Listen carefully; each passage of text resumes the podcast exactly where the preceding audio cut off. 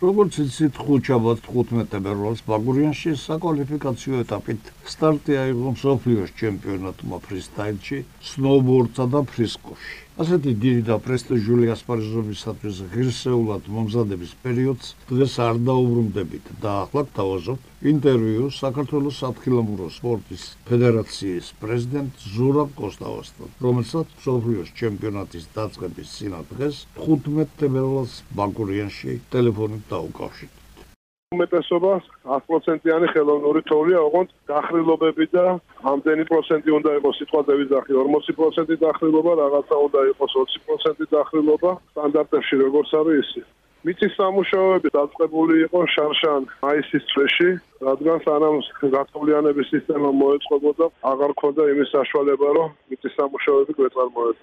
90% ახალი არეალია ძველი დიდველი თუ ისიც, ძველი დიდველის ტრასა ჩვეულებრივად არის დარჩენილი. იმის მარცხნივ დამონტაჟდა სამი საბაგიროქს და ახალი, სადაც გაკეთდა ხუთი საშეჯიბრო ტრასა ამ ახალ არეალში. ორი სახეობა ტარდება კოქტაზე, ეგ არის მოგული და არეალში, ასე ვთქვათ აკრობატიკა და იქ მარტო ხელოვნური თოვლით არის საჭირო მოსამზადებელი სამუშაოები, რამდენიმე ასაქტომი იყო, რომელსაც ხელოვნურად გავაკეთებთ. ყველაფერი მზად არის. საერთაშორისო ფედერაციის დელეგატები და ტრანსიფშენებლები აქ არიან. ასევე ჩამოვიდა ევროსპორტის და საერთაშორისო მაუწყებლის ტექნიკა და პირველი თებერვლისთვის 175 მილიონის მაყურებელზე ქონდა დაფორმებული კონტრაქტი. ალბათ ყველაფერს საბოლოო პრეზენტაციაზე მოგვახსენებთ.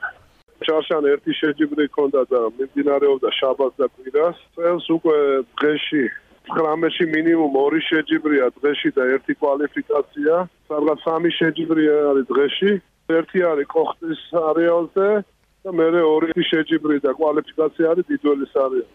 გაწყვეტილება მიიღო ადგილობრივმა მმართველობამ, რომ 10 საათიდან 4 საათამდე დიდველის ბოლო გასაყარიდან დიდველისკენ აკრძალული იქნება მოძრაობა გარდა საზოგადოებრივი ტრანსპორტისა და ჩემპიონატის ტრანსპორტისა.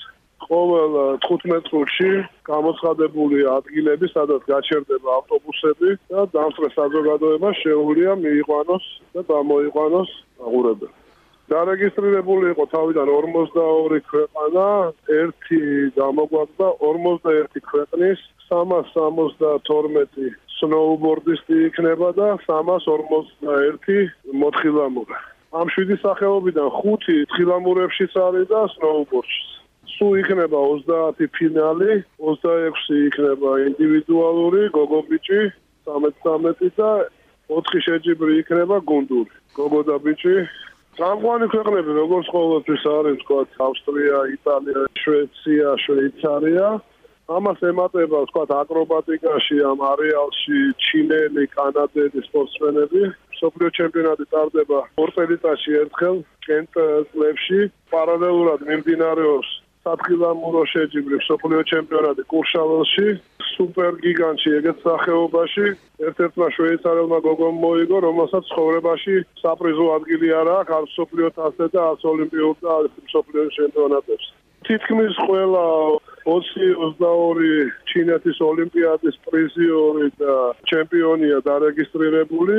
გარდა ორისა რომელმაც დაანება თავი და თუ არ ვშტები პრიზიორს აქვს კიდე ორ სტრავა ქართულ სპორტსმენებს რაც შეეხება ექვს სპორტსმენს კონდა ლიცენზია საერთაშორისო ფედერაციის პროტოკოლით ჩვენ არ აგვაქვს უფლება როგორც მასპინძელს რაღაცა თქვა კოტები კონდეს ყველა სპორტსმენს აუცილებელია რომ უნდა კონდეს რაღაც რაოდენობა ქულების მოპოვებული დღესდღეობით ქონდა 6 სპორტსმენს მოპოვებული, ერთი დაგვემტრა დეკემბრის წვეში შეჯიბრზე, აუმჯობესებდა თავის ქულას და როგორც ისეთ სპორტი ცოტა ტრავმის სცენარი მიდრეკილი და ხშირად ხდება ეგეთი შემთხვევები. დაგვშვა ახლა ხუთი სპორტსმენი და დღეს არის ბოლო ქულების დათვლა.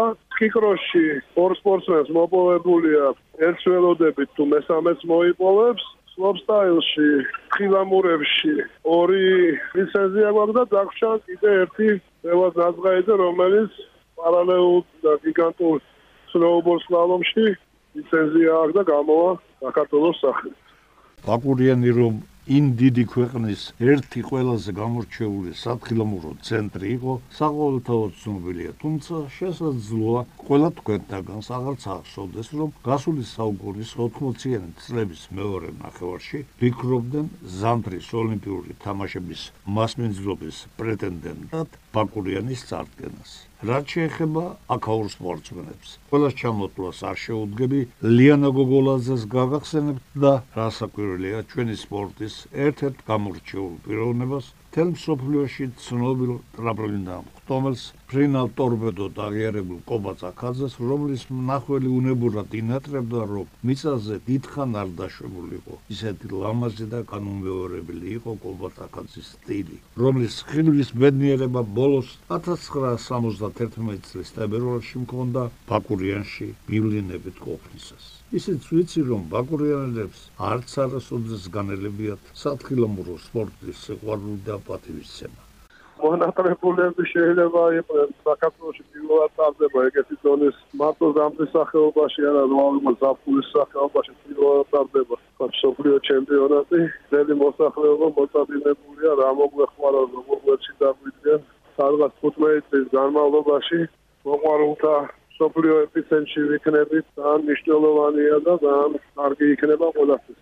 ჩვენ მოგეხსენებათ ეგეთი წარმატებული სპორტსმენი, როგორც კომბატახაძე იყო, ჩვენ არ ყოლია, დღემდე სოფლიო იცნობს კომბატს და სარეკლამო გოლები იყო თუ რაც იყო, კომბა ყოველთვის გვერდში და თავის პოზიციას ერთად აფიქსირებდა და ბაკურიანის სავიზიტო ბარათია. ეს იყო ზურაბ კოსტავა, საქართველოს საფრთხილო სპორტის ფედერაციის პრეზიდენტი. როგორც იცით 18 ფებრუარს სოფლიოს ჩემპიონატი ბაგურიანში საზეიმოდ გაიხსნება და 5 მარტს დამთავრდება. ახლა კი შევხვდით ჩვენი მოჭადრაკე ქალების ბოლო წლების ლიდერს საერთაშორისო დიდოსტაც ნანო ზაგნიცეს. მივესალმები რადიო მსმენელს სულ ახლა ხანს დავბრუნდი გერმანიის ქალაქ მიუნხენიდან, სადაც ჩატარდა სოფლიო ქალთა გრან-პრის მეორე გათამაშება. როგორც მოგესწენებათ სოფლიო ქალთა გრან-პრი ეს გახლავთ 4 ეტაპისგან შემდგარი შეჯიბრებები, რომლებიც იმართება 2 წლის განმავლობაში. შარჩან ჩატარდა პირველი ეტაპი ყაზახეთში, რომელშიც მონაწილეობა არ მიმიღია და შესაბამისად შეჯიბრება მიუნხენის ხალხთა გრან-პრი ჩემთვის პირველი შეჯიბრება იყო, სადაც მე ვფიქრობ, რომ წარმატებით გამოვედი, ავიღე მესამე ადგილი, ბრინჯაოს მედალი და ასევე მოვიპოვე 110 სარეიტინგო ქულა ხალხთა გრან-პრის გათამაშებაში. სოფლიო ქალთა გრან-პრი გამოირჩევა იმით, რომ სამი შეჯიბრების ჯამში მოჭადრაკეთა საერთო მაჩვენებელი ჯამდება და ვისაც საუკეთესო პირველი ორი მაჩვენებელი ექნება, ეძლევა საშუალება, რომ მონაწილეობა მიიღოს ქალთა კანდიდატთა შეჯიბრებაში. რომელიც იმართება ორ წელიწადში ერთხელ. ეს ქალთა კანდიდატთა შეჯიბრება გახლავთ სადაც 8 მსოფლიოს წამყვანი მოჭადრაკე ქალი იღებს მონაწილეობას და შემდეგ უკვე ამ კანდიდატთა შეჯიბრების გამარჯვებული ეთამაშება მსოფლიო ჩემპიონს მატჩ მსოფლიო ჩემპიონობისთვის. და ეს გრან-პრი ითვლება ერთ-ერთ ყველაზე პრესტიჟულ შეჯიბრებად დღევანდელ დღეს მსოფლიო ქალთა ჭადრაკში. პირველი ეტაპით მაყოფილი ვარ მომავალში მარტის ბოლოს აპრილის დასაწყისში შემდეგი გრან-პრის ეტაპი გამართება ინდოეთის დედაქალაქში ნიუ-დელიში, სადაც მივიღებ მონაწილეობას და იმედი მაქვს, რომ იქაც გავს წარმატებას და კიდევ უფრო მეტ ვაჩვენებ, რაც უფრო მეტად გაზის ჩემს შანსებს იმისა, რომ ქალთა კანდიდატთა შეჯიბრებაში მოვხვდე. წარმატებულ სურვოთ ამაზაგნიზა საერთოდ ჩვენს მოჭადრაკეებს და ტრადიციულად ფერმურთი დაამთავროთ დღევანდელი შეხვედრა. მეც ფეხბურთს თამაშობდი ბავშვობიდან, ეხლა мама ჩემი შვილი და ფეხბურთით ვიყავი მოკლედ დღემდე სიყვარულით და მოწამლული და რა ვიცი ფეხბურთზე თქვენ გემახსოვრებათ ირაოდან მოყოლებული მერე ოლიმპი იყო და მოკლედ სულ საფეხბურთო ოჯახში ვარ მე გაზდილი თვითონაც ფეხბურთს თამაშობდი. ბოლოს გერმანიაში ვიყავი კალსრუეს გუნდში პატარებში ასაკობრივებში 19-ში და შემდეგ ისე მოხდა რომ დავანებე თავი, მაგრამ მე მწვრთნელობიდან დავიწყე და მოკლედ ეხაც ფეხბურთში ვარ. ძალიან მიყვარს და ჩემთან ძალიან ახლოს არის. აი ასე გავიცანი გიორგი დოლიძე, საფეხბურთო კლუბის შუქურას დირექტორი. ალბათ ახლაც ისტორიას უნდა დაუბრუნდე. არქანია, ომიაძე, დოლიძე, უმცროსი მიშა მესხი 70-იან წლებში სპორტის სასახლეში ჩატარებულ ბავშვთა გუნდების ტურნირებზე გაიცნეს და შეიყვარეს ფეხბურთის თაყვანისმცემლობა. და ახლა სწორედ თავისი მამის ნიკუშა დოლიძის ოჯახის საფეხბურთო გარემო გაიხსენა გობლეთის შუქურას ახალმა დირექტორმა გიორგი